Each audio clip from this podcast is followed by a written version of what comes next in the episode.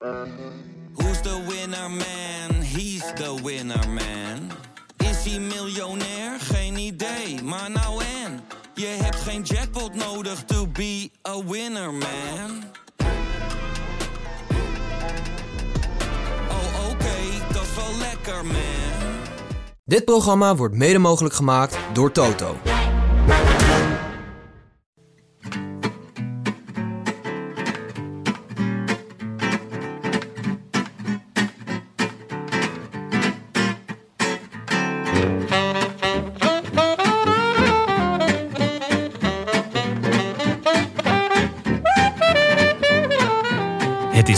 Vrijdagmiddag 5 april en live vanuit de Dag en Nacht Studio's in Amsterdam is dit de Rode Lantaarn. De wielerpodcast van Het is Koers.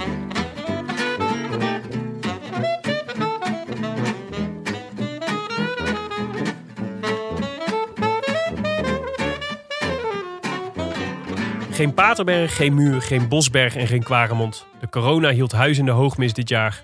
Op de rollen zal hij worden verreden, de Ronde van Vlaanderen van 2020, met 13 renners vanuit hun kot. Hoe anders was het in 2017, toen we op een zonovergrote editie werden getrakteerd met beelden die ons nog lang zouden heugen. De valpartij van Sepp op een ogenschijnlijk onschuldig Makkerdammer weggetje. En die van Van Avermaat, Sagan en Naas op de Oude Kwaremond, met dank aan een jekje uit Twente. Tom Bonen die vloekend en tierend afscheid nam van zijn ronde. En toch vooral die wauwende Belgische driekleur. Die min of meer belandde in een per ongelukke monstersolo. En 65 zenuwachtige kilometers later zijn fiets richting hemel hief. En Vlaanderen toevoegde aan zijn palmares. Zondag ontbreekt hij op de rollen. Maar in 2017 was hij op de afspraak. Philippe Gilbert. de Ronde van Vlaanderen winnen. Met Parijs-Roubaix, de voorjaarswedstrijd met de grootste uitstraling. Die waar je het hardst moet voor vechten. Voor elke morsel gronds. Knokken. Aanval opgezet op 100 kilometer van de streep. Solo op 50 kilometer van de streep. Negen bergen alleen. De Belgische kampioen wint de Ronde van Vlaanderen. Iedereen wist wat hem te doen stond. Gilbert volgen. Ze zijn er niet in geslaagd, om verschillende redenen. Dan moet je het luid van de daken schrijven. Philippe Gilbert, anno 2017, wint oververdiend de Ronde van Vlaanderen. Het is tientallen jaren geleden dat we nog zo'n uniek nummer gezien hebben. Voilà! I wish I could be in the south of France. In the south of France. Sitting right next to you. Nou, nog steeds in eh, social distance. Ja, Zit ik hier anderhalve meter van, eh, van eh, Willem en Jonne. Willem, hoe gaat het ermee? nou, op zich wel goed. Ja, ge- erg gezond. Dat is, eigenlijk, dat is eigenlijk het voornaamste natuurlijk wat telt deze dagen. Eh, Nou, vorige week waren we er best een beetje zagrijnig over. Ja, vorige week stond, had ik het idee dat jij wel echt op punt van breken stond. Nou, ik ben er nog steeds wel. Ik, nee, ik ben er nog steeds erg chagrijnig over, over de situatie waarin we beland zijn. Het lijkt me ingewikkeld om, hier, om je hier vrolijk over te maken. Maar ik eh, leer er wel steeds beter mee dealen. Dat wel. Maar ik moet zeggen, ik, ik ehm, heb een eh, eh, eh, ik fiets natuurlijk. Normaal gesproken fiets ik elke dag van huis naar werk. En dan rijd ik onder andere langs het OLVG. En nu was ik alweer een tijdje. Dat is het ziekenhuis in Amsterdam. Nu was ik al een tijdje niet meer langs gefietst. En nu, als je er nu langs fietst, dan allemaal, hebben ze de parkeerplaats, een deel van de parkeerplaats ingeruimd voor nood, noodtenten. En dat is wel, eh, dat vind ik wel echt, vond ik wel echt een naar gezicht. Omdat je dan heb je in één keer echt het gevoel dat je in, eh, dan wordt het in één keer echt crisistijd. Ik denk, dat doen ze niet zomaar. Ja, dat is echt een beetje een oorlogsgevoel, toch? Ja, en dat contrasteert dan weer heel raar met het weer, wat in één keer prachtig is en, en, eh, en lenteachtig. Dus, maar ja, je voelt wel aan alles soort van dat er zo'n soort van grauw sluiertje omheen, overheen ligt. Maar het is wel, het wendt wel, dat ook wel weer. Dus dat heb, dat heb ik ook wel. En jullie? Eh, Jonne, voor jou is het natuurlijk nog steeds gewoon hetzelfde als altijd. Gewoon binnen zitten op de bank. ja, ja, nee. ehm, ik eh, zit er eigenlijk wel lekker in, ja. Ja, ik ben heel snel overgegaan op eh, ja, het feit dat ik het niet weet. En dat niemand het weet. En daar heb ik me bij neergelegd. En dat kan ik eigenlijk iedereen aanraden. Ehm tuurlijk, er zitten allemaal voor- en nadelen aan, aan thuiszitten. En, ehm, maar ja, ik ben toch van aard heel optimistisch. En eh, ja, ook gewoon redelijk snel doorschakeld naar gewoon het beste ervan maken. Ja. En Nou, ehm, goed. Nou, zo, ja. zo, zo zit je er ook bij. ja, En jij dan? Eh, ik heb er zin in, jongens. Ah, ik ben wel... Ik, eh, Heb je veel gehuild nog deze week? ik heb- nou ja, ik ben nog steeds wel... eh zit nog steeds hoog in mijn emoties, zoals, zoals Fred Rutte zou zeggen. Ja. Ja. Maar eh, ja, labiel. maar eh, nee, ik ben, je begint er wel een beetje aan te wennen. Ja. Dat, is, ja, dat is nou helemaal zo. Mm. En eh kan je dochter al daytraden?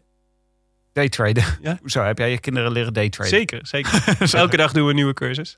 Wat is daytraden? Daytraden, dat is op de beurs. Dat is, Oh. Ja, dus dat je... Dat je, dat je elke dag je aandelenportefeuille verandert. Oh ja. Dagkoersen in te spelen. Het is een Daytraden lekker hebben we moment om gedaan. in te stappen, toch? Cursus Russisch, speciaal voor jou. Dacht ik leuk. Kunnen jullie samen, samen lekker eh, bellen af en toe. Ja, leuk. Dat soort dingen. Ja. Maar jij niet dus. Jouw dochter kan nog niet daytraden. Nee, maar nu je het zo zegt, denk ik dat ik ermee ga beginnen. Uitstekend idee. Nog heel even over eh, vorige week. Eh Renaat! ja, Renaat. Echt veel enthousiaste reacties gehad. Ja. Ik heb de hele week, ik kan de hele week echt op willekeurige momenten, dan, dan popt het in één keer in mijn hoofd. En dan kan ik niet anders dan Renaat zeggen. Ik Tot kan, grote ergernis van mijn vriendin inmiddels. ik kan nog steeds niet. Gewoon op willekeurige momenten. Renaat. Renaat. nee, ja, echt ontzettend leuk gesprek. Hij heeft zoveel mooie verhalen en eh, een ontzettend fijne stem. Maar ik, ik heb eh, zijn boek eh, besteld en die kreeg ik binnen. En eh, dat is absoluut een van de lichtpuntjes eh, afgelopen week. Ja, lekker in zitten lezen. Ja, er staan gewoon ontzettend veel, veel heerlijke verhalen in eh, over de koers. Met eh, ehm, eh, ja, veel leuke achter de schermen eh, dingetjes. Maar hij is bijvoorbeeld ook niet bang om zijn mening te geven. Sommige dingen heeft hij gewoon heel duidelijke mening over. Zoals eh, dat er nu een protocol is bij de Tour eh, over wanneer je ma- iemand mag interviewen. Eh, terwijl hij is heel erg fan van het interview gelijk na de finish. Weet je wel, want dan, dan pak je de, de, de meeste emoties. En ja, dat mag dus allemaal niet meer. Eh, en daar is hij gewoon heel duidelijk in. Van nou, dat moet terug. En eh, hij is heel duidelijk over zijn liefde voor de Giro. Dat hij hoopt dat hij weer naar, de, naar Sportza komt. Dus ehm, ja, ik, ik loop echt te genieten. Leuk hè? Heb jij al bij het hoofdstuk over de bitumineuze voegvullingsmassa? Nee, nog niet eigenlijk. Willem. Maar jij bent hem dus ook aan het lezen als ik dit... eh, Ik heb hem ook, ja. Zeker. maar jij bent al verder dus hierin gekomen dan Jonne. Namelijk bij de... Bitumineuze voegvullingsmassa. Wat Zal jullie daar volgende week alles over vertellen? Ik zit nog midden in het, stuk, in het deel. Oh, je weet zelf eigenlijk ook nog niet. Nee, ik weet niet hoe het afloopt. Ik weet alleen dat, er, dat het begint met... Het gaat over bitumineuze voegvullingsmassa. En Nou. dus ik denk, dit vind ik echt twee, een geweldige combinatie van twee geweldige woorden. Ongelooflijk, Tim. Zo beginnen we aan een podcast en zo hangen we ineens aan een klif. het, is, eh, het gaat weer rap. Mooi, ja, inderdaad. Over, eh, over narratieve eh, instrumenten gesproken. Van, eh, aan het hangen van een klif. Ja, We hebben nog een rectificatie op waar we vorige week het over hadden. Namelijk over Chekhov's gun. ja. Ik vond dat jij hadden het hier net voor de uitzending hadden we het er even over. En eh, we vonden eigenlijk wel dat we allebei gelijk hadden. Nou ja, het was Kan je natuurlijk het even samenvatten? Ja, het was natuurlijk een hele hoge mate shame on me. Het is, het is mijn studie, dus ik zou dit moeten weten. Ehm, en, eh, maar jij zei inderdaad de Chekhov's gun. Als er, eh, heeft Chekhov gezegd, als er een pistool hangt in een ruimte... dan moet dat op een gegeven moment afgaan. En ik dacht, hè, dat is toch van Pushkin. Maar het is gebaseerd op een verhaal van Pushkin, namelijk het schot. Waarin hij in het eerste eh, ehm, eh, gedeelte van het verhaal wordt dat, wordt dat geweer genoemd. En, en inderdaad, in de laatste scène gaat het af. Dus eh, we kregen ook nog een rectificatie daar van eh, Melle van den Berg. Hallo lieverds, heerlijk podcast weer. En ik zal wel de honderdste zijn, maar bij Chekhov hebben we het natuurlijk niet over een rokend pistool. Hij was geen Arthur Conan Doyle. Die referentie ben ik dan weer niet erg eh, scherp op. De smoking gun. Ah, Dus dat komt van Arthur Conan Doyle, de schrijver van Sherlock Holmes. Ah oké. Ja. En eh, Vito Corleone wordt neergeschoten en niet doodgeschoten als hij wat fruit haalt. Uiteindelijk sterft hij een natuurlijke dood terwijl hij een sinaasappelpartje in zijn mond stopt. Ach ja, jullie hebben gelukkig meer kijk op wielrennen. Ik zo, ik zo. Ja, Ja, nee, goede, nee, terechte sneer. ja. Maar we moeten het dus hebben over Chekhov's gun. Ja. Over Chekhov's geweer, maar niet over Chekhov's smoking gun. Ja. En al helemaal niet over de doodgeschoten eh, Vito Corleone. Ja. Nee. Neergeschoten, dat mag wel, Willem. Ik zit nu te denken, er werd So- Sonny Corleone wel neergeschoten, op, of doodgeschoten, nadat hij sinaasappels had gegeten. Of had gehaald. Ik ga vanavond The Godfather herkijken. Ik denk dat Melle van den Berg alweer zijn, zijn pennetje in het bloed heeft gelopen. Ja, waarschijnlijk wel. In de sinaasappelsap. Eh, Oké, Over Nou. sinaasappels gesproken. Voordat we het over wielrennen gaan hebben, hebben we tijd voor een natje. Ja, dit is iets bijzonders. Een bijzonder natje. Een primeur heb ik meegenomen. Want ehm, eh, zoals jullie eh, eh, hebben kunnen lezen op onze social kanalen van de Rode Lantaarn op Twitter en op Facebook, ehm, hebben onze vrienden van Het is Koers hebben, een samenwerking lopen met Brouwerij De Lekkere in Utrecht. Dat is ehm, eh, een brouwerij die af en toe limited edition biertjes maakt. En die, omdat de Vuelta naar Utrecht komt, althans, is nog niet afgelast, maar het zal elk moment kunnen gebeuren. Als de Vuelta naar Utrecht, oh, als de Vuelta start, dan Ja. komt hij door Utrecht. Als de Vuelta van start gaat dit jaar, dan komt hij door Utrecht. Ja, zelfs dat is niet zeker. Misschien kiezen ze wel voor een hele andere oplossing. Ja, Of op de willen ze het buitenland? Oh god, dit wordt een ramp. Ik wil iets voor de Vuelta om gewoon op de Zuidpool te rijden, want dan kan hij wel doorgaan, want daar is nog geen corona. Slim. Maar hoe dan ook, ze hebben speciaal voor, eh, voor, de, voor de Vuelta hebben het koers en de lekkere dus een, eh, een nieuw wielerbiertje geïntroduceerd. En eh, ze vroegen aan, aan hun lezers en luisteraars en onze luisteraars om een naam te bedenken voor, voor dat natje. Zodat het, zodat het nou ja, naast dat het lekker smaakt, ook lekker klinkt. Ehm, en die is net bekendgemaakt. Eh, vanavond, vrijdagavond om 7 uur werd de naam bekend. En die naam is geworden Cervuelta. Een combinatie van cerveza, wat bier betekent in het Spaans. En vuelta, wat ronde betekent in het Spaans. Zo. Mhm. nice. Hier Mooi, is hè? duidelijk een eh Maar van alle... reclameteam eh, overheen gegaan hoor. Ik, eh, ik ben boos natuurlijk, want eh, we, hadden, we waren zeer actie aan het voeren om er uh, Gorka Isabieren van te maken. Of desnoods, desnoods Pil Snowlit. Zou ik heel erg leuk gevonden hebben. Of, eh, of eh, Benga Benga had ik ook nog wel oké gevonden. Ja. Maar goed, we doen het er maar mee. Self-Vuelta is het geworden. En ehm, eh, ik, wij, mogen, wij mogen, krijgen zo de eer om hem, eh, denk ik, als een van de eerste mensen te proeven. Behoudens de mensen in de brouwerij zelf. Want die zullen zelf ook al af en toe een slokje nemen, denk ik. Zo zijn ze wel hoor, die jongens. brouwerij daar. werkt. Eh, maar dit is dus een verfrissend wielerbiertje. Zo omschrijft ze het zelfs. Een zomerse doortrapper. Ter gelegenheid van de start van de Vuelta 2020 in Utrecht. Met inderdaad toevoeging van sinaasappel. Dus ik hoop niet dat als wij een slok nemen van dit sinaasappel eh, geïnjecteerde bier... dat er dan vervolgens iets naars gebeurt, zoals in The Godfather. Citroen, fruitige aromasappen... die dit bier een authentiek Spaans tintje geven. En ze noemen het dan een echte Sangry Ale. Nice. Aan woordspeling geen gebrek hoor vandaag. Woordspelingen geen gebrek. Nou, Hij is te eh, koop ook in eh, de lekkere webshop.nl, waarbij je de lekkere met CK ehm, schrijft. Eh, en wij gaan, hem, wij gaan hem proeven. Lekker. Hartstikke leuk. Kun je die voor mij, eh, kun je voor mij ook een beetje openmaken? Zeker. Proost. Op de koers. Op de koers. Dat is waar eenmaal. Maar voordat we het over de koers gaan hebben, even een woordje van onze sponsor. Ook in deze aflevering is onze sponsor BBB Cycling. Producent van meer dan 15.000 verschillende fietsonderdelen en bij jullie ongetwijfeld bekend als sponsor van Circus Wanti. Ik vroeg hen deze week hoe de renners zich goed kunnen voorbereiden op het parcours van een ronde als de Ronde van Vlaanderen. En ze hadden goede tips en bevindingen voor ons. Zo vertelden ze ons dat renners een paar jaar geleden kwamen met volledig aangepaste fietsen. En ze nu kiezen voor bijna standaard modellen. Maar dan een zogenaamde comfortversie, voor zover comfort mogelijk is tijdens een koers als Vlaanderens mooiste. Bijvoorbeeld een Synapse van Cannondale of een Cervelo R-serie of een Specialized Roubaix. Echte toppers doen zelfs die concessie niet. Nicky Terpstra heeft al die comfort niet nodig en doet gewoon een extra stuurlintje om zijn Willier Cento 10 Pro. Dat is eigenlijk ook de truc voor Vlaanderen. Een extra dik stuurlint van 3,5 mm in plaats van 2,5 mm. Handschoenen met memory foam. Eventueel je vingers intapen voor extra grip. En denk aan een goed klemmende bidonhouder, zo hobbelend over de kasseien. Dat zijn de tips voor de ronde. Zo kan je hem ook zelf gaan rijden. Met dank aan BBB Cycling. Oké jongens, wat we gaan doen is weer net als vorige week. We gaan eh, een koers bespreken uit het verleden. Want er wordt namelijk niet gekoerst eh, van dit weekend zoals er normaal gekoerst zou worden vanwege de quarantaine en corona. En vandaag gaan we het hebben over de Ronde van Vlaanderen 2017. En daar gaan we zo meteen uitgebreid op terugblikken. Maar eerst even, Jonne, wat is de Ronde van Vlaanderen voor koers? Eh, ja, het is eh, mijn absolute favoriet. Eh, dit is de Hoogmis. Een, ja, echt een nationale feestdag in België.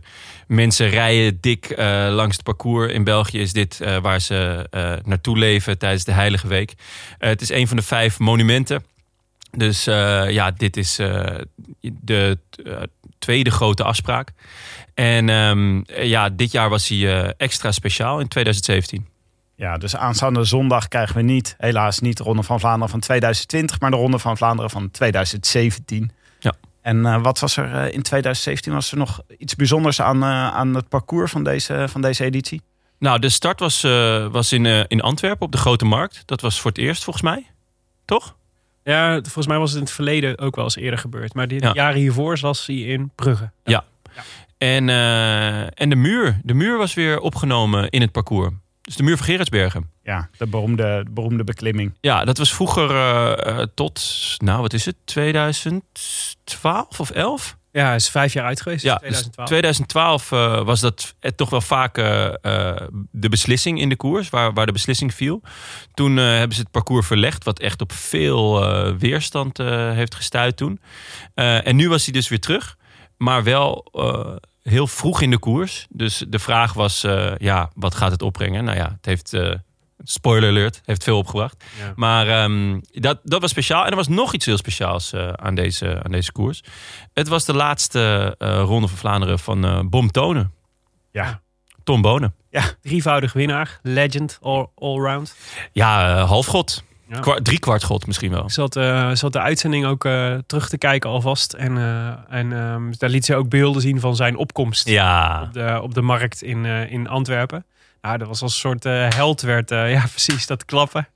En toen kwam die... eh, Want Jonne doet nu een soort slow clap. ja, Ja. dat was, eh, er werd een het hele grote markt die eh, deed een slow clap bij de pre- ploegpresentatie. En toen kwam, eh, kwam Bonen op. Ja, Ah, ja. als ene, de hele, alle, alle renners reden met hun hele ploeg het podium op, behalve Bonen, die mocht in zijn eentje alles. eh, de, de, en eh, dus werd even geïnterviewd voor de start.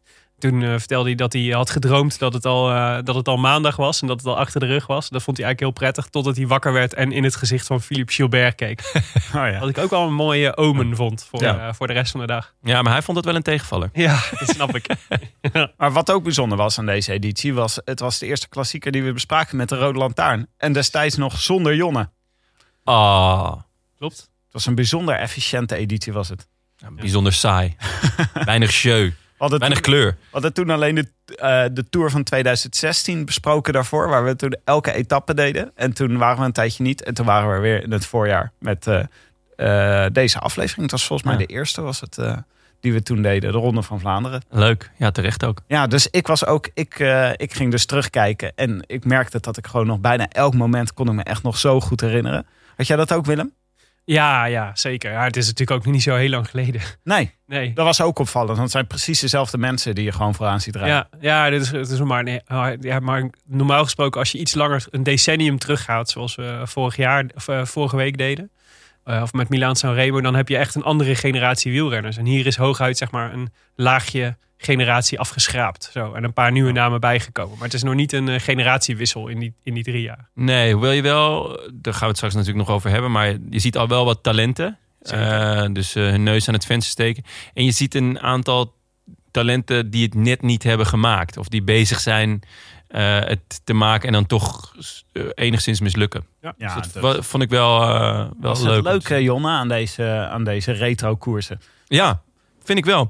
Wij gaan zo meteen eh, gaan we bellen met Oliver Nase. Die natuurlijk een van de hoofdrolspelers was in, eh, in deze ronde.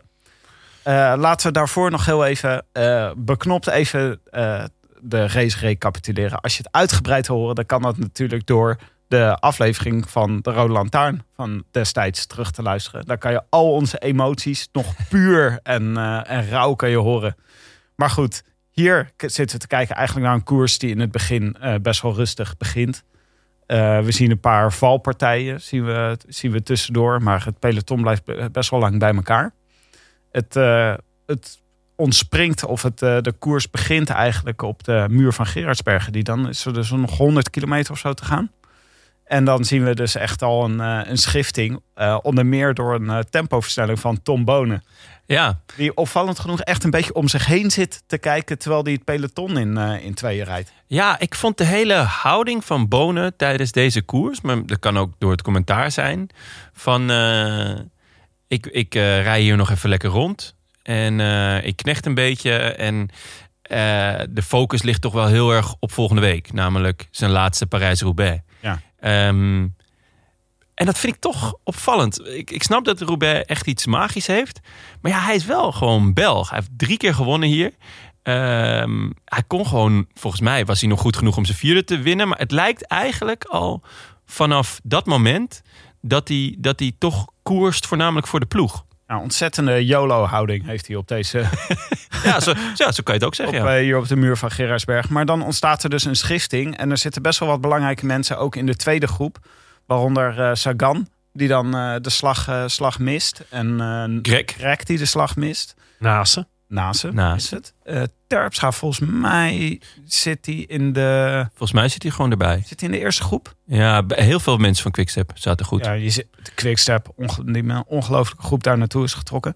Dan krijg je de ontsnapping van de dag krijg je eigenlijk op de Oude Kwaremond. Op de tweede keer dat ze de Oude Kwaremond beklimmen. Want dan rijdt Gilbert rijdt weg met die groep. eh, van die groep. En die heeft dan nog eh, een kilometer of 50 te gaan. En dan begint er een soort van kat-en-muisspel, een achtervolging op, eh, op Gilbert. Ja. Gilbert rijdt weg en Van Marken zit eigenlijk in zijn wiel. En die wordt eigenlijk, die wordt eigenlijk uit zijn wiel gereden. En Trentin zit daar weer achter. En Trentin gaat eigenlijk onmiddellijk afstoppen voor, op, die, op, op die berg. En, ehm, en eh, dat, is, dat zorgt ervoor dat Gilbert echt met een flink gat aan de afdaling, eh, aan de afdaling kan beginnen. Trentin zit dan bij Quickstep ook. Trentin rijdt dan op dat moment nog voor, eh voor Ja. Quickstep. En Gilbert zien we in de Belgische kampioenstrui rijden. Ja. Ziet- Had Bonen daar al pech gehad? Eh, nee, Nee, maar Bonen die stopt ook af. Ja. Die is samen met Trentin professioneel eh, aan het afstoppen. Ja, want eh, eh, de ontsnapping die er eigenlijk het meeste toe doet. Je krijgt, eerst krijg je de pech inderdaad van, eh, van Bonen. Die, eh, eh, Tom Stils die probeert hem een nieuwe fiets te geven. Dat gaat helemaal mis. T- Bonen die staat echt eh, vloekend en tierend aan de kant van de weg. En die denkt, nou, dit gaat hem niet meer worden. Dus dat- Nee, ja, sterk nog. Hij, er wordt een paar keer genoemd door Michel en José. Hij rijdt op zijn nieuwe Roubaix-fiets. Ja. En dan is het natuurlijk extra pijnlijk dat hij daar een, een schakelprobleem mee krijgt. Dan krijgt hij een nieuwe fiets. En ehm, volgens mij is dat op de Paterberg. Te zwaar verzet. En die staat inderdaad op, eh, op buitenblad. Ja. En dat, eh, en dat nekt hem. Ja, wat volgens mij op elk moment in Ronde van Vlaanderen eh, precies goed is. Behalve op het moment dat je net, net moet, eh, een Paterberg moet gaan beklimmen. Ja, dat ja, het is gewoon echt niet ideaal. Ik vraag me af wat, eh, wat daar de, ehm, de standaard regel voor is. Want het is Ja. natuurlijk veel makkelijker om zwaarder te schakelen dan, eh, als je, da- dan dat je gelijk lichter moet. Ik kan me voorstellen dat dit, dit, is, is, dit is wel dodelijk. Dit, was, eh, ja, dat, dit was zeker dodelijk, want het kostte een minuut of zo. Ja, Misschien wel meer als je ook nog de tweede... Want daar moest dus later nog een keer van fiets wisselen. Dus als je die er ook nog bij rekent, dan heeft hem wel echt... eh, dat heeft hem wel aardig wat gekost, ja. Maar Je krijgt een eh, schitterende lange solo van Gilbert. Maar daarachter eh niet min ontzettend veel spektakel. We zien een ontzettend goede Dylan van Baarle zien we fietsen. Ja, in een vreselijk pak. In het deelpak waar ook Sepp van Marken in rijdt. Groene, groene Cannondale pak met rode sokken. Ja, ja ik, eh, Waanzinnige combi. Ik, ik vond het wel vet. ik vond het ook al vet. Ja. Ja. dacht, eh, they came a long way naar eh EF Education. Ja. En op een gegeven moment zien we natuurlijk wat een spectaculair moment is. Is dat we Nase, Greg en Sagan in volle achtervolging zien rijden. Want die komen dus uit die tweede groep. Moeten ze ineens het gat gaan dichtrijden naar Gilbert die weg is. En die rijden dus met z'n drieën. Eh, dan ontstaat er een valpartij door een eh, shirtje aan de, aan de zijlijn. Ja. Ehm, Een jasje van een Twent. Een Twentse supporter. Een Twentse supporter was ja. het? Ja, hij is later, eh, ik heb hem later een keer in de, een van de, volgens mij op Radio 1, de Nieuwsbv of zo, heeft hem later een keer geïnterviewd. Over wat er nou precies die dag gebeurd was. En hij had zelf helemaal niet door. Hij, had, hij was naar achteren gelopen om een foto te maken. En besefte pas later dat het zijn jasje was die hij had laten hangen op de, over de omheining. Oh, ja. En hij kreeg heel veel kritiek in België omdat hij geen enkel berouw toonde voor zijn, voor zijn daad. Heeft eh, Sagan hem niet nog opgezocht? Geen idee. Volgens mij, eh, volgens mij wel. Ehm, dat eh, hij had achterhaald wie het was. En volgens mij hebben ze toen, heeft, hij, heeft Sagan het vestje gekregen en heeft Sagan zijn eh wereldkampioentrui eh, aan hem Oh, gegeven. dat zou wel echt, dat zou ik wel echt, ook wel echt veel eer vinden voor deze. Ja, nou ja, het was, het, was, het was gewoon een beetje pech. Volgens mij stak Sagan ook wel redelijk de hand in eigen boezem. Omdat hij wel erg Ja. strak langs, Terecht. ja, langs, langs de, de hekken reed. Ja. Want Sagan die raakte dus daardoor een pootje van een van de hekken of zoiets. Ja. En hij nam Greg en Nase mee, waarbij Nase en Sagan zelf uitgeschakeld waren. En Greg eh, die stond op en eh, die beukte door.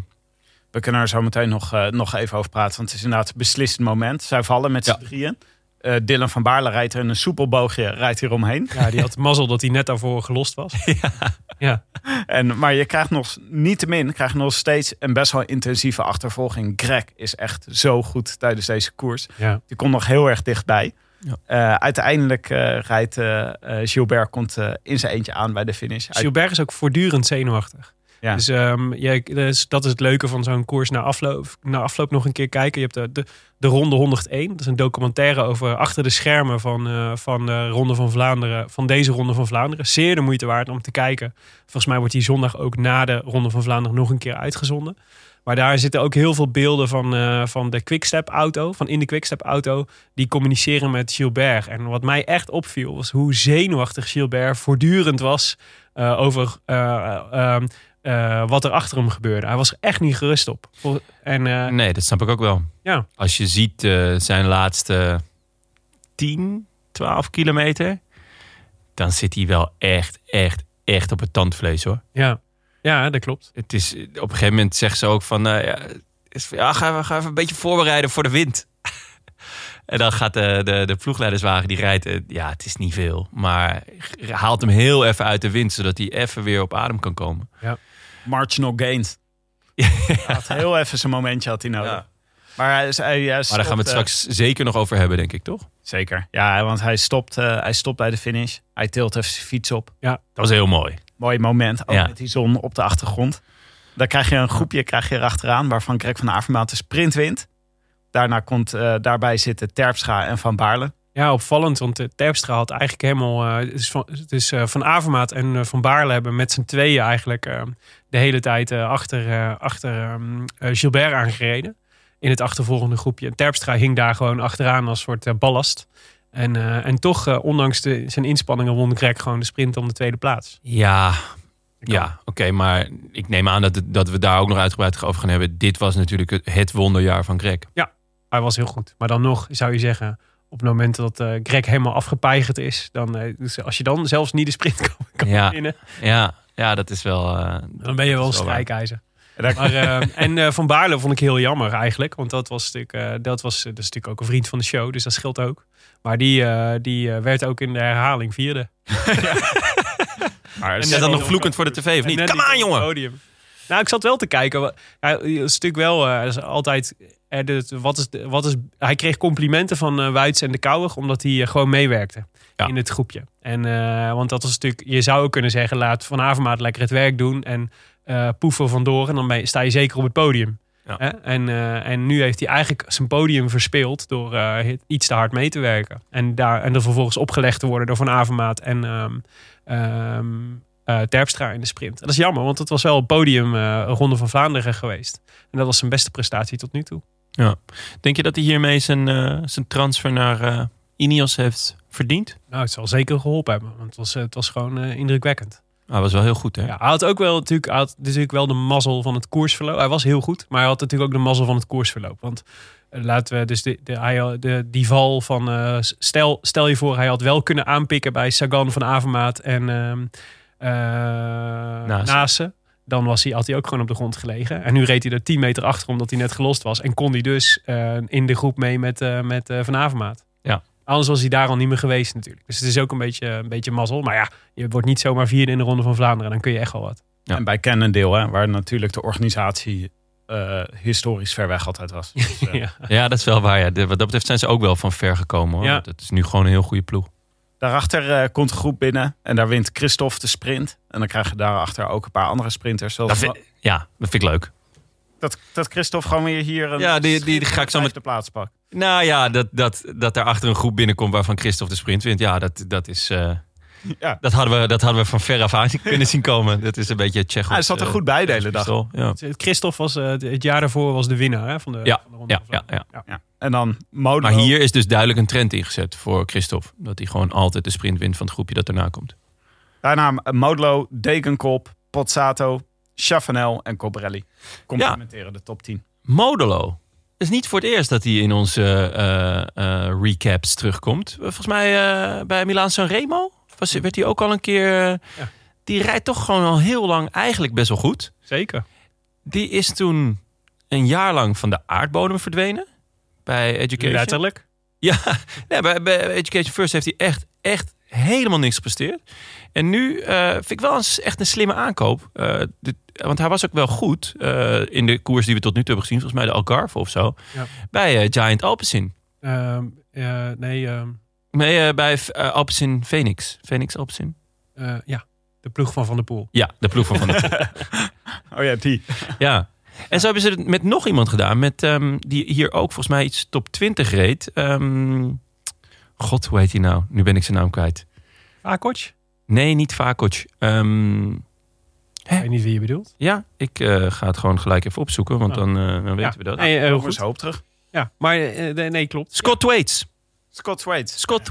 Die hebben ze ook gewoon... Die, die is een jaar naar het... eh, eh, naar continentaal niveau gegaan. Mhm. En die hebben zij nu weer teruggehaald. En dat vind ik echt een, eh, ook een heel goede aankoop. Die rijdt hier ook gewoon eh 16e, 16e plek. Ze hebben duidelijk naar de lijstjes van Pro Cycling Stats gekeken. Ja, slim. Dat is wel duidelijk.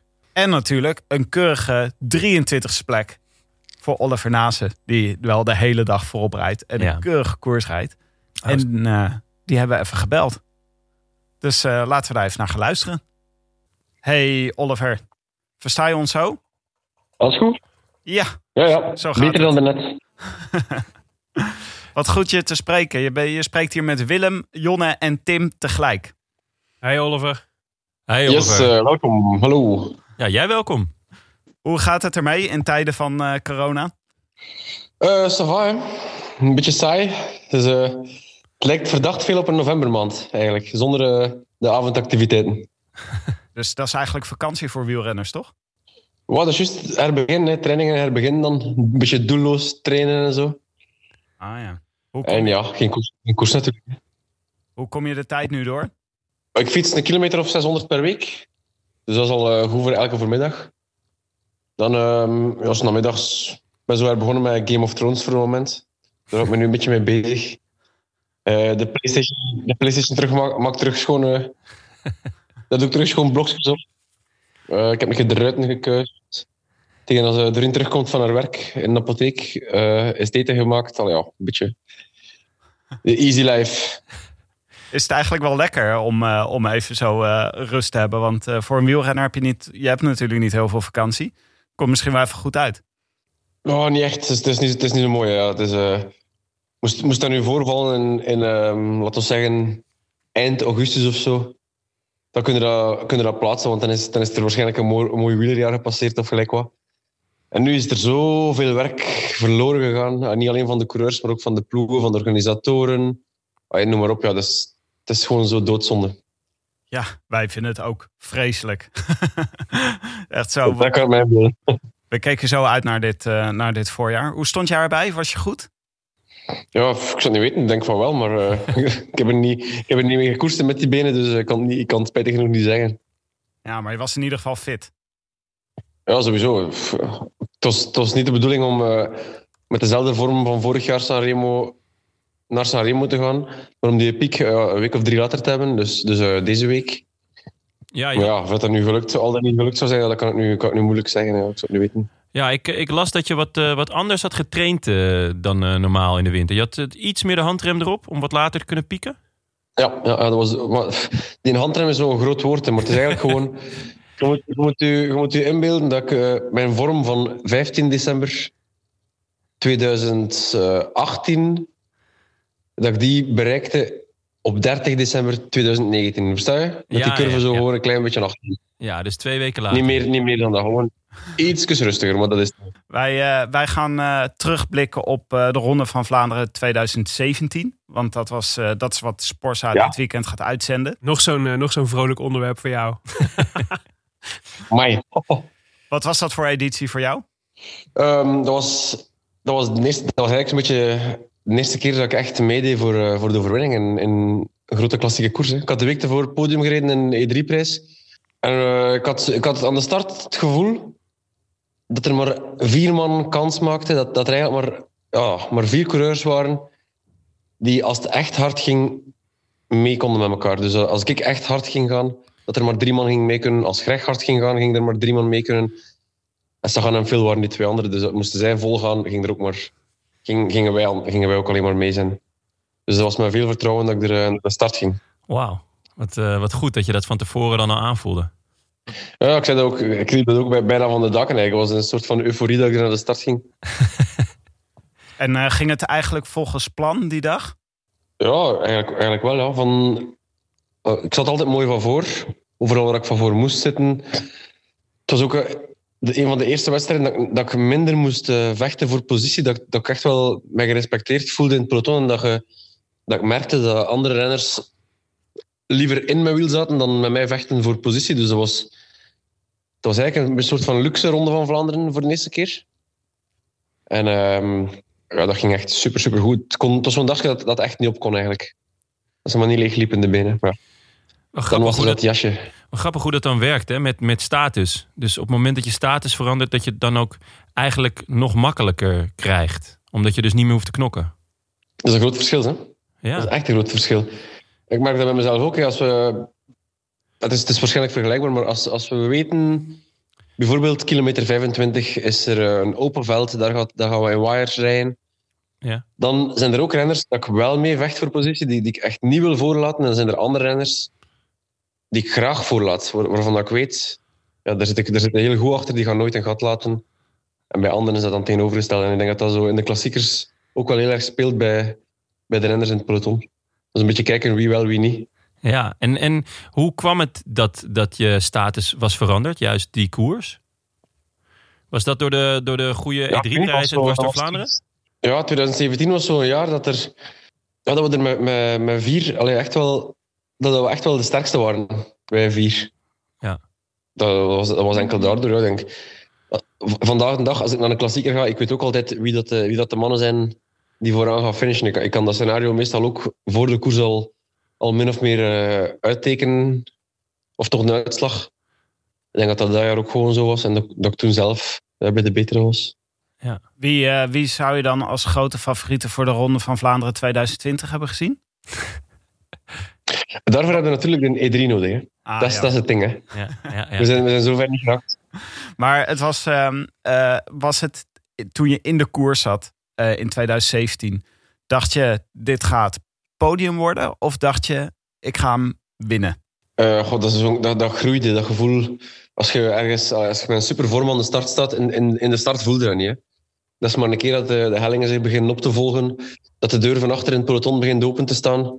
Eh, dat je merkt, ja, oké, het peloton wordt kleiner en kleiner en kleiner. En dat zijn allemaal zo'n soort horden die je moet overleven, elk van die, van die kasseistroken of hellingen. En eh, het, is, het is pas als je echt met enkel favorieten overschiet, dat je, dat je kunt inschatten waar dat je gaat finishen. Je moet eerst bij de eerste 20 zijn, als er nog maar 20 man overschiet, dan moet je bij de eerste 10 zijn als er nog maar 10 man overschiet. En het is pas dan dat je echt kunt zeggen van eh, oké, dat wordt hier echt goed. En in 2017 was dat op de Koppenberg en Taaienberg dat we, dat we het zo we, uiteenreden. Dat we met nog een, een tiental of zoiets overschoten, denk ik. En ehm, ik weet nog dat we toen naar de Quaremont reden. Dus Sagan, Greg en ik op kop rijden met, met nog eh, misschien zes man in het wiel die eigenlijk niet overnamen. Wetende van op de Quaremont gaan we die mannen eraf rijden en dan rijden we naar, eh, rijden we naar het podium. En- Als we veel nog kunnen terugpakken, ja, dat, dat was natuurlijk een, ander, een ander verhaal. Maar toen, ik wist echt wel dat ik bij deze vier ging zijn aan de voet van de Quaremont. Ja, want ehm, je, je, je noemt dus eh, Sagan, Greg en Phil. En toch was eh Phil's dan Gilbert. Gilbert was dan toch wel weggereden al. Wel, dat was eh, op de muur. De muur die lag achter 100 kilometer, dus 150 van de meet. Mhm. En daar is er like, 20 man weggereden of zo, met, met bonen en, en heel de klik. Ja.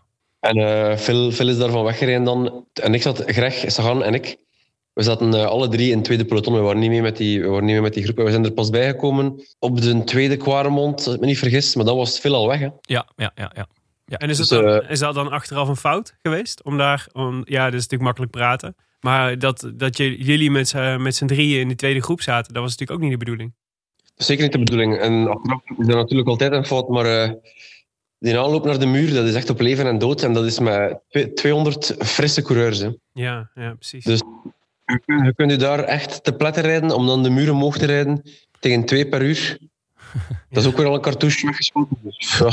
Die groep was weg, dat was ambetant, maar ik heb eigenlijk nooit getwijfeld aan, eh, volgens mij, had de, ik, had, ik had zoiets, het zou kunnen dat de winnaar ervan voor zit, maar we gaan hem zeker nog zien. Ja, ja, precies. Maar jullie, jullie reden ook... eh, Sagan ging natuurlijk weg op de, op de Quaremont. En jij zat eigenlijk als... eh, jij zat makkelijker in zijn wiel dan, dan Van Avermaat, zag ik toen ik vanmiddag de, de, de beelden terugkeek. Ik bedoel, het zal moeite hebben gekost. Maar het was ook best wel soepel.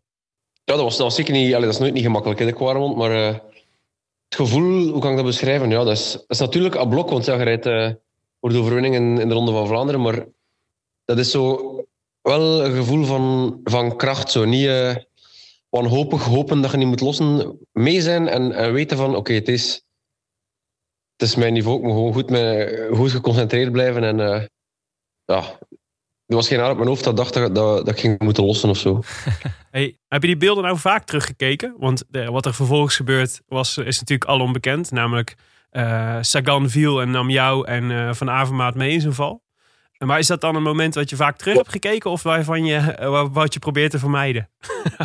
Ik ga er zelf niet zitten opzoeken of zo, maar eh, ja, met de sociale media van tegenwoordig, er passeert geen, er passeren geen, geen tien dagen of ik word een keer niet getagd in dat filmpje of in, in die foto of zo. Oh, dat is wel hard. Ja, dat is wel Stil nou. Ja. Ja. En, en, eh, en eh, heb, je ooit, eh, heb je het ooit proberen te reconstrueren wat er nou, pre- wat er nou precies gebeurde? Want het was, er was, uiteindelijk zat er een vestje in, jou, eh, in, in jouw frame volgens mij en in je wiel gedraaid.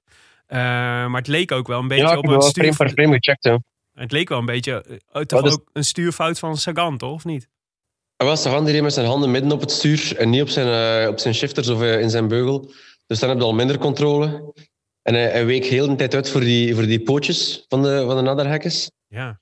En eigen- eigenlijk rijdt hij met zijn shifter in die jas, waardoor hij zijn voorwiel op zo'n pootje slaat. En die jas die vliegt dan door de snelheid achteruit ja, op mij. Ja. Maar ik ben, niet meer gevallen, ik ben niet meer gevallen door de jas. Ik ben gewoon knal op die twee gereden. Die, ja, die, die vielen voor mij natuurlijk. Ja.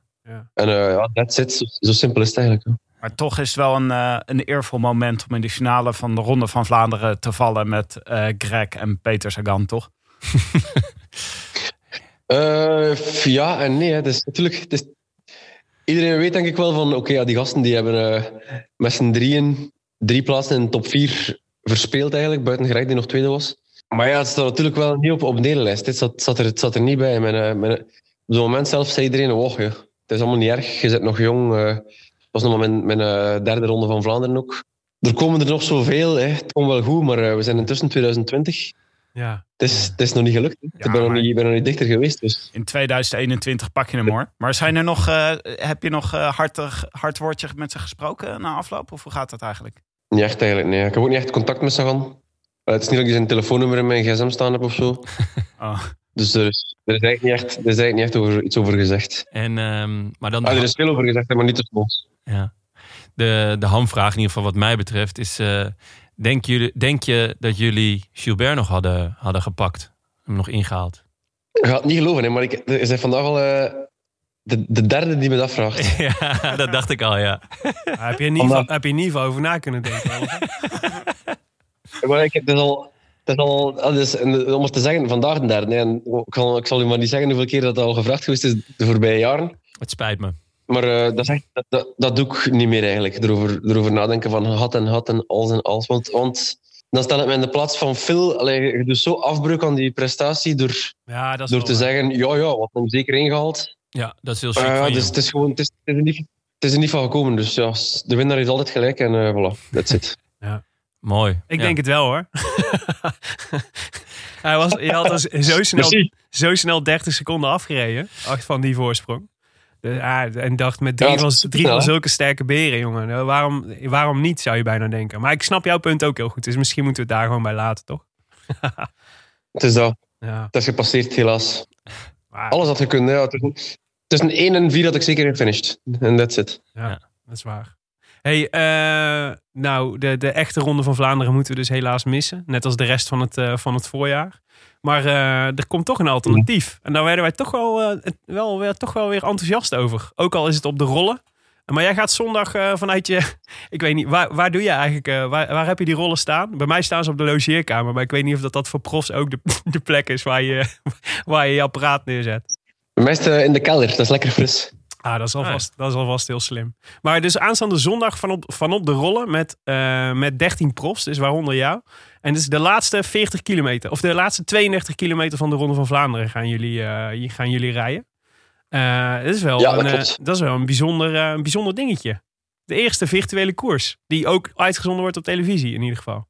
Het is dat. Dus ik denk, eh, het gemis van de echte ronde is natuurlijk heel, heel groot en, en niets kan dat vervangen. Maar eh, ja, om, die, om dat, dat, dat rouwgevoel in, in, eh, bij onze klassieke liefhebbers Ja, een beetje te onderdrukken, is het wel leuk dat er een kleine alternatiefje aangeboden wordt. En ik denk dat het ook wel tof is om een keer... Ja, het zijn dertig renners, we, we filmen onszelf. De mensen gaan ons gezicht op tv zien, ze gaan ons zien, zien zweten gelijk, eh, gelijk... Ik weet niet wat. Ze gaan waarschijnlijk onze haarslagen zien, die, die wattages dat Gildenboel... denk dat dat wel een keer leuk is voor, eh, voor drie kwartier tijdverdrijf op televisie. Ja, zeker. Het is, niet, het is in ieder geval iets anders ook. Ik vind het ook wel leuk dat een keer. Dat, eh, ik bedoel, de omstandigheden zijn vervelend natuurlijk. Maar het is wel leuk dat er een keer zoiets geëxperimenteerd wordt. Weet je? Dat er een keer iets anders gebeurt dan, dan normaal. Dat maakt ook alweer een soort van nieuwe spanning met zich mee. Want niemand weet eigenlijk precies hoe dit gaat, hoe dit gaat verlopen allemaal. Het is ik hoop dat het technisch allemaal, allemaal goed lukt. Dat er geen eh, internet uitvalt of zo bij niemand. Maar eh, Oh ja, verbindingsprobleem. Dat heb ik ook wel eens gehad Ja. tijdens een koers. ja, dat is wel dat echt is zuur hoor. dat gebeurt. hè. Ja. Dat je in volle sprint wat gewoon dat niet, eh, wat dat niet gebeurt, maar voor de rest gaat dat wel goed zijn, denk ik. Dat is de virtuele valpartij, eigenlijk. Zal je net zien dat het op de, op de muur gebeurt. Dat je verbinding wegvalt. Ja, Hey. ik kom niet meer terug. Hè. Nee, nee, zeker niet. Hey, wat, wat verwacht je er eigenlijk van? Want ik, ik vind het best wel moeilijk om er een voorstelling van te maken hoe dat dan, hoe dat dan precies zal zijn. Dus, eh, dus eh, ook, ik ken, ik ken dat platform eigenlijk niet. Heb je al, heb je al geoefend, bijvoorbeeld, op, de, in de, eh, in het, op het parcours? Ik heb het een keer geprobeerd, ja, om, vooral om ja, een technische kant te testen. Die, dat broadcasten naar Gildenboel, Gildenboel of wat allemaal marcheert. Ja. En die app ziet er wel goed uit. Maar ja, natuurlijk, wat, wat moeten we daarvan verwachten? Ik hoop niet dat de mensen verwachten dat het echt... eh, dat is natuurlijk vol een bak, hè. Dat gaat de 40 minuutjes... Ja, wat zou het zijn? Ik weet niet, 380 watt of zo. Dat gaat echt eh, een heel hoog gemiddelde zijn. Ja. Maar ja, dat, die, je, weet, je moet ook weten... het enige wat je gaat zien... Je moet eigenlijk genieten van de prestatie. Als je iedereen vol een bak aan blok ziet zitten, is dat denk ik leuk om te zien. Maar ja, dat is gewicht, eh, precisie van de powermeters. Allee, dat zijn een paar dingen die, die wel een vertekend beeld kunnen geven. ja. Maar dat moeten we zien, ja. Je, je bent Ik niet denk dat het leuk is, maar een uitslag maar kijken. Nee. Ja, maar je, bent- je bent niet echt een, eh, een eh, Zwifter bijvoorbeeld, hè? Dus je- ik zie je niet heel vaak eh, op, de rollen, op de rollen zitten. Volgens mij is het niet iets wat je heel graag doet, of wel? Oh, als het echt weer is, kan ik er wel van genieten, want je, je doet echt ja, kwalitatieve trainingen. Hè. Als, de, als je op die rollen zit, is niet... Ik heb nog nooit een uur op mijn gemak gereden. Dat is altijd, dat is altijd geven en dat is altijd met blokjes. En ja, dat is echt wel, echt wel altijd mooi. Ja. Dus ik vind het heel cool dat het bestaat. Maar ja, als, als het mooi weer is zoals nu, ga ik echt niet op de rollen kruipen. En voor mijn plezier dus. nee, dat snap ik. Even, even over de strategie voor zondag. Heb je nagedacht over eh, hoe jij deze koers ga- kunt gaan winnen? En wat daarvoor nodig is? Ik vraag me af in hoeverre dat die drafting ma- marcheert op de app. Ik hoop dat we daar eh, iets kunnen aan hebben. En voor de rest gewoon volle bak op de berskes. hè. Dat, is, eh, dat, zal, dat zal de toptactiek zijn, denk ik. Want ja, het zijn, het zijn grote motoren hè, waar we tegen moeten rijden. Ik zeg het, mijn sterke punt in eh, klassieke wedstrijden is, is goed geplaatst beginnen en zo. En vechten voor positie, dat valt helemaal weg nu. En nu is het gewoon ja, de, de motoren testen. En ik denk, dat zo, ik denk meteen aan figuren gelijk Thomas en, eh, en Remco die misschien niet zo, niet zo gemakkelijk zich kunnen plaatsen in een peloton, maar dan wel de motor en, en de benen hebben, dat die nu wel een groot voordeel hebben. Dus Ja. ik verwacht dat we van zo'n man wel iets gaan zien. Ja. Ook wel eens leuk voor de jongens. Die winnen tenslotte nooit. Ja. Eh, maar je hebt wel natuurlijk, eh, het is wat ik weet van die, van die Zwift-wedstrijdjes bijvoorbeeld, is dat eh, de start is vaak echt al hels. Dat zal hier natuurlijk ook zijn. Dus dat je dat, eh, dat, zeker omdat het maar in totaal nu maar 32 kilometer is. Dus je rijdt eigenlijk gewoon alleen een finale. Maar dus in de, bij de start Ja. kun je volgens mij echt al een enorme, enorm verschil maken. Door gewoon eh, volle bak. Dus je moet eigenlijk eh, super opgewarmd al eh, aan, aan, de, aan de wedstrijd beginnen. Dat is natuurlijk ook niet iets wat jullie per se heel erg gewend zijn, toch? Om Vlaanderen zou je gewoon de eerste 100 kilometer lekker een beetje, een beetje peddelen. Maar nu is het gewoon meteen vanaf het begin Ja. rammen. Inderdaad, dat is iets dat we niet gewoon zijn. Hè. Het is eigenlijk, er is niets aan dat we, dat we eigenlijk gewoon zijn. Dus er is niemand die u gaat kunnen zeggen van dit of dat gaat gebeuren. Het is een een vraagteken voor iedereen, denk ik. Ja, wel mooi hoor. Hey, weet je, heb je al opgezocht Ja. wat, je, wat je... Want je kunt zelfs wedden hè, op de wedstrijd. weet je waar je staat? Maar dat mag niet, hè. Nee, ja, jij niet, maar wij wel. 1 op 10 sta je. Ah, 1 op 10, dan ben ik gezakt. Ik stond dan 7 alleszins. Ah, ja. Nee, dus Evenepoel staat bovenaan. Dan De Gent, Van Aert, Matthews, Van Avermaat en dan jij. Dus eh, Ah ja, kijk, dan moet Tim, Tim Wellens moeten we er nog tussen zetten en dan gaat het kloppen. Hè. eh, Wellens staat echt bijna onderaan. C 1 op 17 krijg je voor Wellens. Ah, daar zou ik zeker op spelen, man. Die, die, gaat, die gaat dat zeker goed kunnen. Ja, ja? Zeker. Oh, leuk. Ja, ja. Dat is een... eh, Jonne Kwispelt. ja, Ik Jon- wou net zeggen, je, dit, hebt, eh, je hebt Jonne nu enthousiast gekregen. Ik ga all in. ja, we moeten even kijken. eh, Zijn, zijn gewi- onze gewichten worden van eh, Pro Cycling Stats gehaald. Oh En ja. volgens Pro Cycling Stats is zijn gewicht 65 kilo. Dus eh, als, die gaan in, als ze daar gaan ingeven 65 kilo, dan gaan we Tim ze wegvliegen en lijkt een speer. Ah, Ah. dat is een goede tip zeg. Dat wist ik Lekker. helemaal niet. Ja, mooi. Hey, maar ehm, eh, ik, eh, eh, ja, we gaan ervan genieten zondag. Eh, en ik hoop jij ook. En ik hoop dat we elkaar snel, dat, ik, dat we je snel weer op televisie eh, in een echte koers zien. Want dat is toch het mooiste van Ik hoop het ook. Ja, ook. Inderdaad, dat telt. precies. Merci. Wat zeg je? Ik zeg dikke merci. Ja, Dikke, mer- dikke merci terug, eh, Oliver. Zeker Dank voor je merci. tijd. Veel plezier zondag en eh, tot snel hoop ik. Met plezier, tot de volgende. joejoe. Wat is hij toch geweldig. Ja, wat is dit toch een leuke gast. Zo gezellig. Ik had onthouden van jullie gesprek met hem. Ja. eh, dat hij, volgens mij zaten jullie toen in zijn woonkamer en toen galmde het best wel. Ja, Ja. Dat hij het was gewoon verbouwen. minimalistische. Oh, was hij aan het verbouwen? Oh, Nee, hij- woonde tijdelijk daar, volgens mij. ja, het was een tijdelijk, tijdelijk huis waar hij duurde. Oh, vanwege verbouwing. Ja, ja, ja, sorry. In Wanzelen. Oh, ik dacht dat hij het gewoon minimalistisch had ingericht en dat dat nu nog steeds zo was. nee. Ja, het galmde wel een beetje. Ja, de geluidskwaliteit is natuurlijk... eh, in België is toch eh, ver weg. Dus eh, Maar Daar. moet je nagaan hoe het leeft als hij dus nog op, op zo'n dag als vandaag al drie keer gevraagd is naar of hij ook Ja. had kunnen winnen in 2017. ja. Het grappigste vind ik al dat hij gewoon eh, dat hij iedere keer getagd wordt in, de- in de filmpjes en foto's van die valpartij. dat is een beetje. eh, zo moet eh, Arjen Robben zich voelen. Met- Hij krijgt dan natuurlijk met die, vij- die, die 1-0 van eh, die of die, eh, die Teen van Casillas. Van Casillas hetzelfde. Ja. ja. Zo, zo, we kunnen hem ook een keer uitleggen dat je dat taggen in foto's ook uit kunt zetten. Terug naar de koers van 2017. Eh, en dat gaan we doen net als vorige week met eh, de categorieën die we eh, verzonnen hebben om deze koers op een speciale manier te kunnen bekijken. We hebben ze alleen weer iets andere namen gegeven. Willem, je hebt de hele week heb jij, eh, heb jij op, eh, op hoogte stage in een tentje heb je na zitten denken over de perfecte namen voor deze rubrieken. Zeker. Dus ik denk wel dat dit een verbetering is. Het eerste moment is het ribbe de bie moment. Dat Ja. is namelijk het moment waarop de koers eh, gewonnen is. Het moment waarop eh, de koers geplooid is en de winnaar is, is weggebleven. Ja.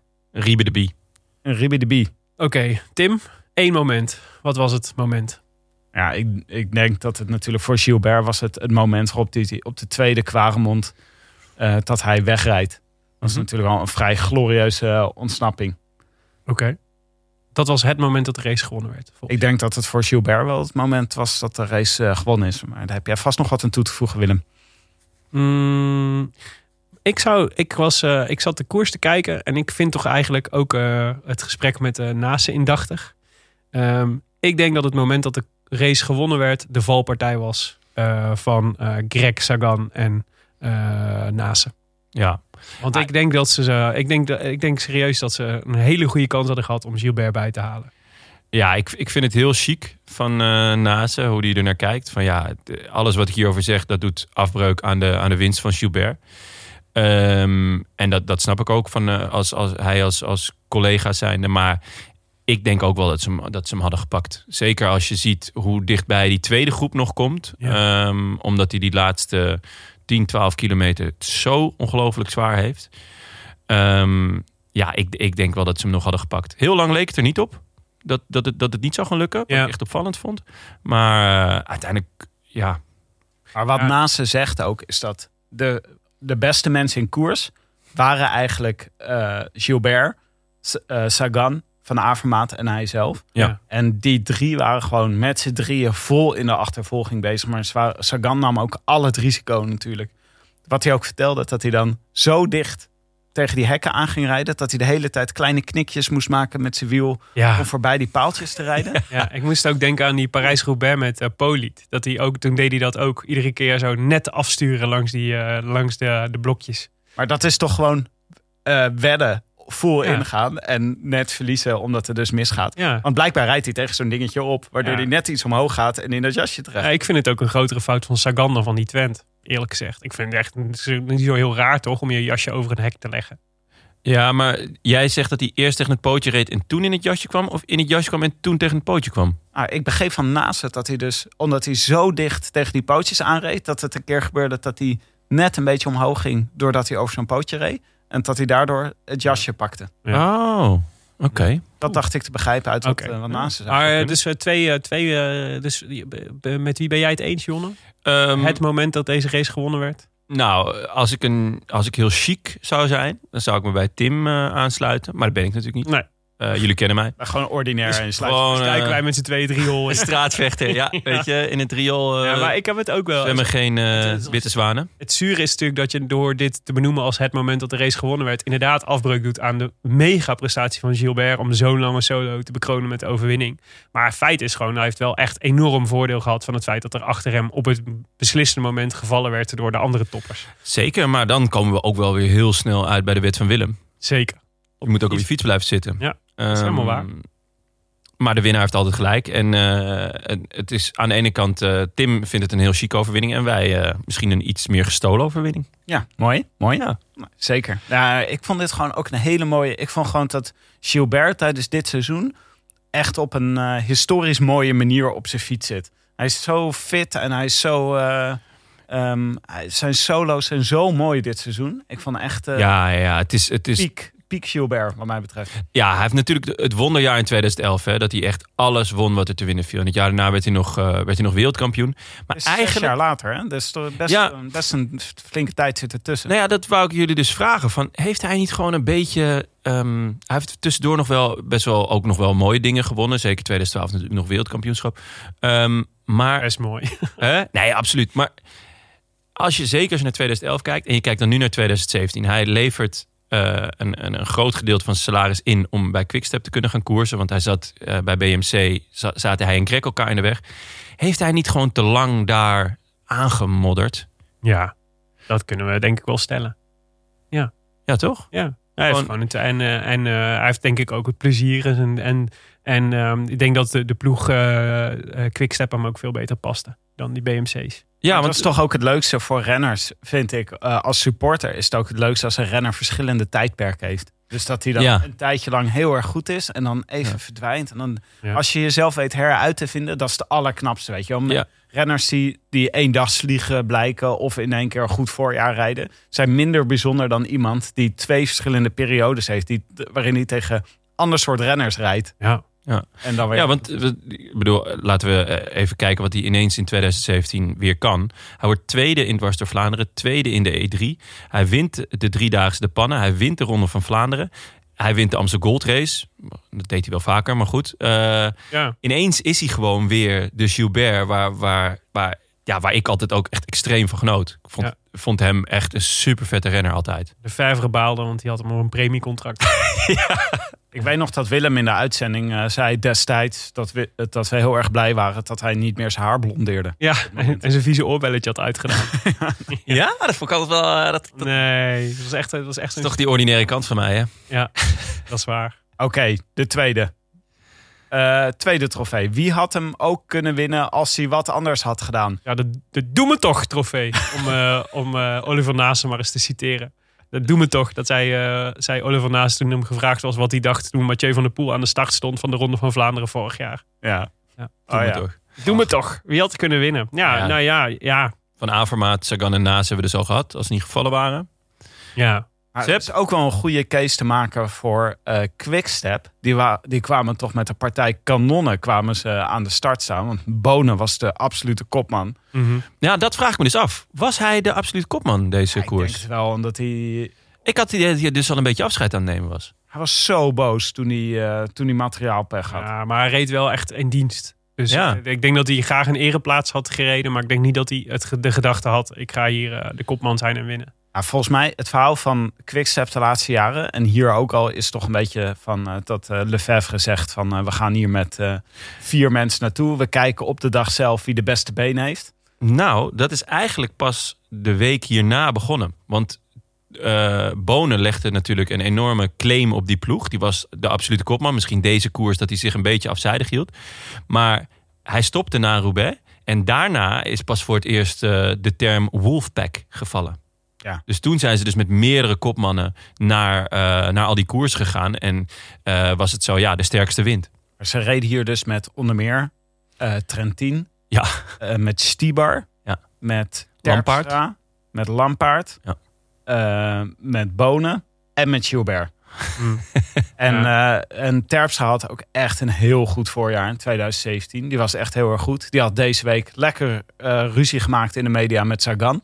Omdat Sagan boos was dat hij niet wilde rijden in volgens mij de E3-prijs. Ja, zeker. Eh, Gent-Wevelgem. nee, Gent-Wevelgem. Of geen Wevergem. Gent-Wevelgem. Met Sagan, ja. Ja, dat hij eh, met, dat, ehm, met die vluchtheuvel, dat, hij, eh, dat Sagan ging proberen weg te rijden door een andere kant van de vluchtheuvel te pakken. Ja, en uh, Terpstra wilde de hele tijd niet rijden. En toen op het moment des onderscheids ging, die, ging Terpstra zelf.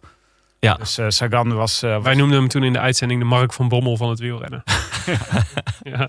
Nou, wel, eh, Maar goed, verklaart me niet waarom hij nog geen, verklaart waarom hij nog geen vriend van de show is dan. Nee. Maar ehm, de Doe Me Toch eh, trofee gaat wat mij betreft naar, eh, naar, ik zou dan toch eerlijk zeggen, Greg van Avermaat. Ja, Die, ik denk dat als eh, het scenario, eh, die, scenario die, drie, eh, die drie gasten waren wel bij Gilbert gekomen. Dan denk ik dat eh, Van Avermaat eh, had gewonnen. Ja, zeker. Want als je kijkt naar wat hij dat eh voorseizoen, eh, dat, dat, eh, ja, dat voorjaar, de, de omloop won hij, de E3 won hij. Ehm, hij werd tweede in de straden. Ehm, de Parijs-Roubaix won hij ook nog daarna, Gent-Wevergem. Ja, hij was echt absurd goed toen. ja. ja. Oké. Dat was, ja. Dat was, eh, dat, en ja, dus hij, een week later eh piekt hij wel natuurlijk. En eh, ondanks de valpartij hier. Ja. Goed. Ja. De derde. Eh, Jonne, jouw favoriete. Chekhov's gun. Wat zagen we hier al aankomen dat in de wielertoekomst relevant bleek? Ja, de, de, de, de lullige is misschien wel Sepp van Marken. Die, die toch gewoon weer eigenlijk een beetje uit het niks onderuit gaat. Eh, en daardoor in een uitstekende positie zijn kans op een overwinning in welke koers dan ook vergooit. Vorige week ook al. Bij de bij Ja, dus Rainbow misschien- 2011. Misschien is het meer een, een, eh, een, een, een, dat, dat, we, dat, dat het een herhaling van zetten is. Ja. Dus niet, niet zozeer Chekhov's, eh Chekhov's gun. Ehm, ja, we, we noemden net al eh, Christophe, die het, die het sprintje wint van, eh, van de, de, de, de groep die erachter zit. Of hebben jullie een betere? Nou, ik vond, ehm, ehm, ja, Van Marker was, dat was vooral sneu. Hij brak ook zijn vinger volgens mij op die, Ja. eh, met die val. En het was, eh, het was heel gek, want het was op zo'n mak Macadammer weg. Is dat? Die veel liggen in België. Van die betonplaten die tegen elkaar zijn aangeschoven. Waar je dan altijd zo'n randje in het midden hebt. Waar dan iets. Ja, daar heeft hij altijd heel veel moeite mee. En wat daar interessant is. Wie called als eerste dat wat er gebeurd is. Waardoor Sepp van Marker gevallen is. Wil je dat meegekregen in de uitzending? Nee? Adrie van der Poel appt naar eh, José wat er gebeurd is. Die zegt, ik denk dat het, hier, dat het hierdoor komt. En die is, eh, dit is dus over Tsjechovs gun gesproken. Ja, Hier gaf, kwam Adrie van der Poel voor het eerst in de uitzending eh, over de Vlaanderen. Nu je het vertelt, denk ik ook. Oh ja, dat weet ik nog. Van de eerste keer dat we keken in 2017. Ja. Ik weet niet waarom deze koers zoveel indruk heeft gemaakt. Maar het Ja, is bij mij, de- eh, door Adrie van der Poel. Maar ehm, eh, nee, dus Tsjechovs gun. De andere die ik eh, wilde noemen in dit jaar. eh Valgren Andersen wordt hier een grote toekomst voorspeld. Ja. Door, eh, door José en Michel. Die zeggen hij bulkt, die rijdt iemand bulkend van het talent. En Warempel het jaar erop, 2018, won Valgren zowel de omloop als de Amstel Gold Race. Ja. ja. Wat En- natuurlijk echt eh, heel, twee heel verschillende koersen zijn. Precies. Ja, en, toen gaan- eh, gaan- verdween hij in, het, eh, in de Dim- Dimension driehoek. Precies, dat wilde ik zeggen. Sorry. Ja, ja, eh, heeft hij het dan waargemaakt of niet? Nou, dat jaar erop in ieder geval. Er zijn Ja. coureurs die het met de omloop en de Amstel Gold Race eh, winnen en, en verder niks. En het een geslaagde carrière noemen hoor. Ja, hij, is er, Ja. hij is er weer hoor. Ik denk Ja? ook aan Andersen gaan we nog veel van zien. Hij was tijdens het WK was hij ook gewoon goed. Dus, Hij moet wel oppassen dat hij niet een one-day fly wordt hoor. Dus hij moet wel dat tweede tijdperk krijgen, krijgen waar, we, eh, waar, waar we het eerder over gehad. Ja. Rubriek 4. Ehm, eh, het konijnenpijpje heb ik hem gedoopt. Ja, mooi. Eh, met de vraag, eh, de vraag die daarbij hoort eigenlijk was... wat was de beste quote uit de uitzending? Het beste wat we gehoord hebben in de uitzending. Ja, maar dan moeten we toch ook eventjes over die 101 eh, achter de schermen. Want Mhm. daar hebben ze op een gegeven moment beeld vanuit de konijnenpijp. Ja, Eerst het, het legendarische moment dat Renaat wegvalt vanuit Ja. de ko- konijnenpijp. waar ze later, dus waar de traditie startte, volgens Ja. mij. Want nu proberen ze in elke nieuwe ronde van Vlaanderen telkens Renaat weg te laten vallen op het moment dat die konijnenpijp inrijdt. Ik eh, rijd nu de konijnenpijp en ik denk dat ik ga. En op weg was hij. Maar toen hadden ze dus wel beeld uit de konijnenpijp. Nou, dat is natuurlijk altijd eh, heel erg leuk. Ja. ehm, ik... eh, dit is een quote, die, de eerste quote die ik wil voordragen, is ehm, een quote die heel vaak voorbij komt in, eh, in, in, in Vlaamse koersen. En dat, die is van José. En dat is tak. Ja. Dat is namelijk als hij eh, de chrono indrukt. Ja? Ja, Mooi. dus ehm, dat is of als hij hem... eh, meestal zegt Michel zoiets van... ja, la- laat hem lopen, hand geklokt. En dan tak. Ehm, hij doet hem soms één, soms twee keer. Dus aan het begin en aan het eind. Ja. En dat is voor mij... daar krijg ik elke keer weer... daar word ik zo gelukkig van. Ja, dat is een mooie. Ja. Ehm, ik had ook nog meegeschreven eh, op het moment dat Sepp, Sepp viel. Ja. Eh, dat is, ja, was op zich niet zo'n geweldige quote, maar wel een veelzeggende. Sepp van Marken is en blijft een pechvogel, zowat alles aan die rechterkant gekneusd. ja, Dat was ook wel echt. ja het, eh, dat lag er inderdaad helemaal geputst bij. Ja. Ehm, ik vond eh, een leuke van Michel ook. Eh, Le Petit Coq ook mee vooraan. Over eh Kokaar. Kokaar eh, is natuurlijk ook een paar jaar best aardig geweest in dit soort koersen. Ja. En hij reed nu een paar keer vooraan. En eh, dat, dat werd benoemd op een, eh, op een leuke manier. Ja, op het moment van de ontsnapping van eh, Sagan, dat Sagan aanging. Nu kunnen ze naar de oorlog. Met deze mannen kunnen ze naar de oorlog. Mooi. Vond ik heel... eh, En eh, misschien ook eh, in naamgeving van, eh, van deze rubriek het konijnenpijpje. ja, dat is de winnaar wat mij betreft. Ja? Ja. Dus eh is een quote van Renaat. Ja, net voorbij het konijntje. En Gilbert gaat nu de plek voorbij waar we volgend jaar zijn naam gekot staat. en dat is natuurlijk eh, de, de Ronde van Vlaanderen weg, heet die geloof ik. Zo, zo, zo wordt die genoemd. En daar eh schrijven ze elk jaar alle winnaars op. Oh ja, ja, ja. Dus vandaar. de- en er was volgens Renaat nog meer dan genoeg ruimte voor, om er nog een paar jaar bij te schrijven. Dus Mooi. Oké, de Maaike Oudboterbokaal heb ik hem genoemd. Voor de renner die we het meeste missen. ah, omdat ik je zo mis. Ja, Heerlijk, prachtig. die we in deze, in deze koers weer terugzagen. Dan moeten we oppassen dat Tim niet gelijk in, eh, in tranen uitbarst. Oh.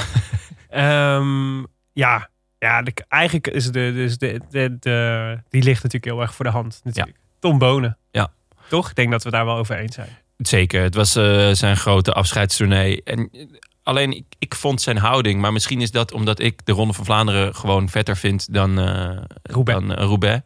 Eh, dat, dat ik daardoor ehm, het een beetje rare houding vond. Je had graag gezien dat hij gewoon voor de winst was gegaan. Ja, waarom niet, weet je? Ja. En, wat ik ook wel leuk vond, was... Maar het is wel wat ik, wat ik dan, als je hem ziet rijden, denk ik wel, het is echt, ehm, het was wel echt een renner met charisma. Zoveel hebben we. Zo, ja. Zoveel hebben we dan niet, zeg maar, momenteel, die dat, die dat hebben. Sagan, ja, eigenlijk.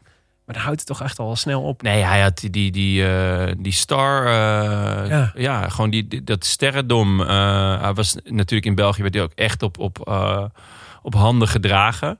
En, en dat, dat werd ook alleen maar groter. Ja. Zelfs toen hij nou ja, wat, wat onder vuur lag wegens kookgebruik of zo, weet ik veel wat had hij gedaan. Ehm, die jaren daarna werd. nooit aan hem is blijven plakken. Nee, echt totaal niet. En hij, hij was natuurlijk altijd een beetje zo. Tegenstelling tot de snifsnaf. ja, oké, maar dat zat ook wel heel kort op zijn overwinning natuurlijk.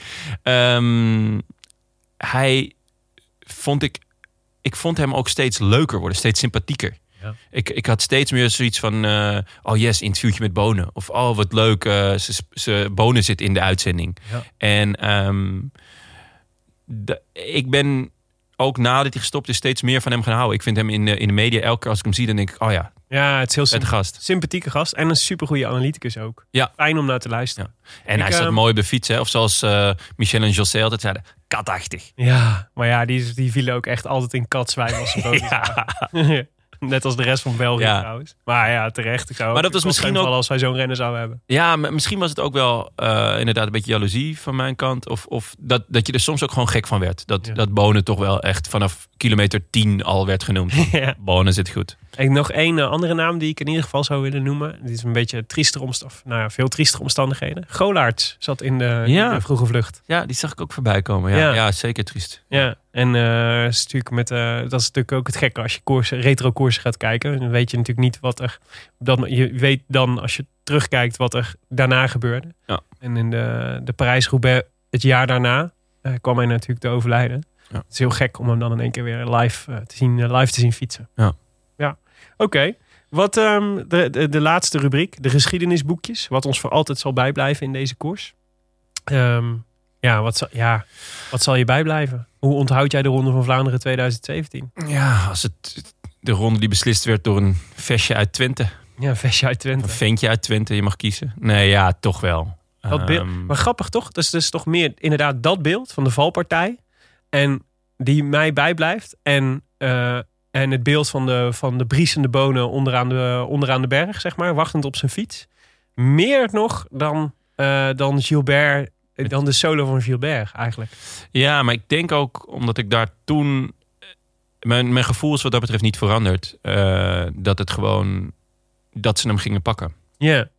Ja. ja, we zullen het nooit weten. Dat is Nee. rare natuurlijk. Maar- Nee. En wat me wel bijblijft is, is Gilbert in de driekleur met die fiets boven zijn hoofd. Dat, dat is wel ook eh, een. een Ja. dat, dat is ook een bladzijde in de geschiedenis. Dat is waar. Dat klopt, dat klopt. Nog één ander beeld uit de ronde 101, het, waar, ze, waar, die mee waar die mee afsluit. Die Ja. vind ik echt hilarisch. Want in de, in de ronde wordt dan wordt, eh, een van de verhaallijnen in die behind the scenes documentaire is, eh, is, een, eh, is de familie Bakkaert. Ah ja, ja. De, de, de, de, de vader en moeder van Frederik Bakkaert worden gevolgd. Frederik Bakkaert is een renner van, ik denk toen Verandas Willems, dat ze toen heette. Ja, Of, of, of Krelan. of, was, of het was het Wanti.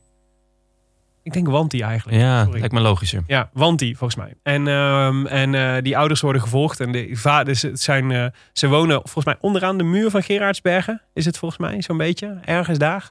En, eh, en zijn vader die had wel... Die, die, die, in het begin van de aflevering zegt hij al dat hij het fijn had gevonden als Frederik geen profrenner was geweest, maar gewoon boer was geworden. Want dan had hij eerder met pensioen gekund. Wat ik al hilarisch vind. Maar die hele, die hele aflevering is, probeert de vader van Frederik Bakkaert probeert een beetje te onderdrukken hoe fantastisch hij het vindt dat eh, zijn zoon de Ronde van Vlaanderen rijdt. Ah. En eh, dat, is, dat, is, dat is sowieso al prachtig. En wat heel leuk is, de moeder van Bakkaert, weet je hoe die heet? Lampaard? Lampaard Bakkaert? Nee, La- ja, Lampaard Bakkaert. De moeder van, La- moeder van Bakkaert heet Lampaard. Wauw. Ja, het is geen familie. Ze hebben wel bij elkaar op school gezeten. Heb ik nagezocht. Maar ehm, ehm, hoe dan ook, aan het einde van, die, eh, van, eh, van, de, van de documentaire De Ronde 101 belt Frederik Bakkaert vanuit Gerardsbergen ehm, eh, naar, naar zijn ouders om te vragen of ze hem komen ophalen. naar de finish. Ik dacht, dit is zo lief dat het gewoon een soort van... Het, het is zeg maar zo'n... Heb je uren naar een heroïsch spektakel gekeken... Waar, je, waar jij als renner onderdeel van uit... En het eindigt als een fucking kinderfeestje. Ja, dat is zo grappig. Ik Ja. daar heel erg om lachen. Dat was een van mijn hoogtepunten. Hadden ze het niet kunnen, kunnen omroepen, net zoals bij Ikea. Ja, Van, eh, Frederik- nou, Frederik wil graag Frederik opgehaald worden. opgehaald uit de ballenbak. ja, prachtig. Ja, mooi. Het was niet echt, wel echt een schitterende editie. Ja, ik, nee, absolu absoluut. Wel, dus wel eentje. Jammer dat hij, eh, dat hij eh, mogelijk beslist is door een valpartij in plaats van Ja. door, eh, door heroïek. Goed. Ja. Desalniettemin wel een mooie winnaar. Want dit was natuurlijk zijn derde monument. Ja, Daarop won hij, zeker. won hij zijn vierde. Ja. En nu kan hij een heilloze missie... En, een, en een, de Amsterdam Gold ook dit jaar, toch? Ja. Ja, ja, ja, nee, maar meer van... Hij is natuurlijk met die heilloze missie bezig... dat hij alle vijfde monumenten wil winnen. Ja. En hij moet Milaan Sanremo nog, Gilbert. Ja. En dat gaat hem nooit lukken. Nou, volgend jaar laatste kans, zou ik zeggen.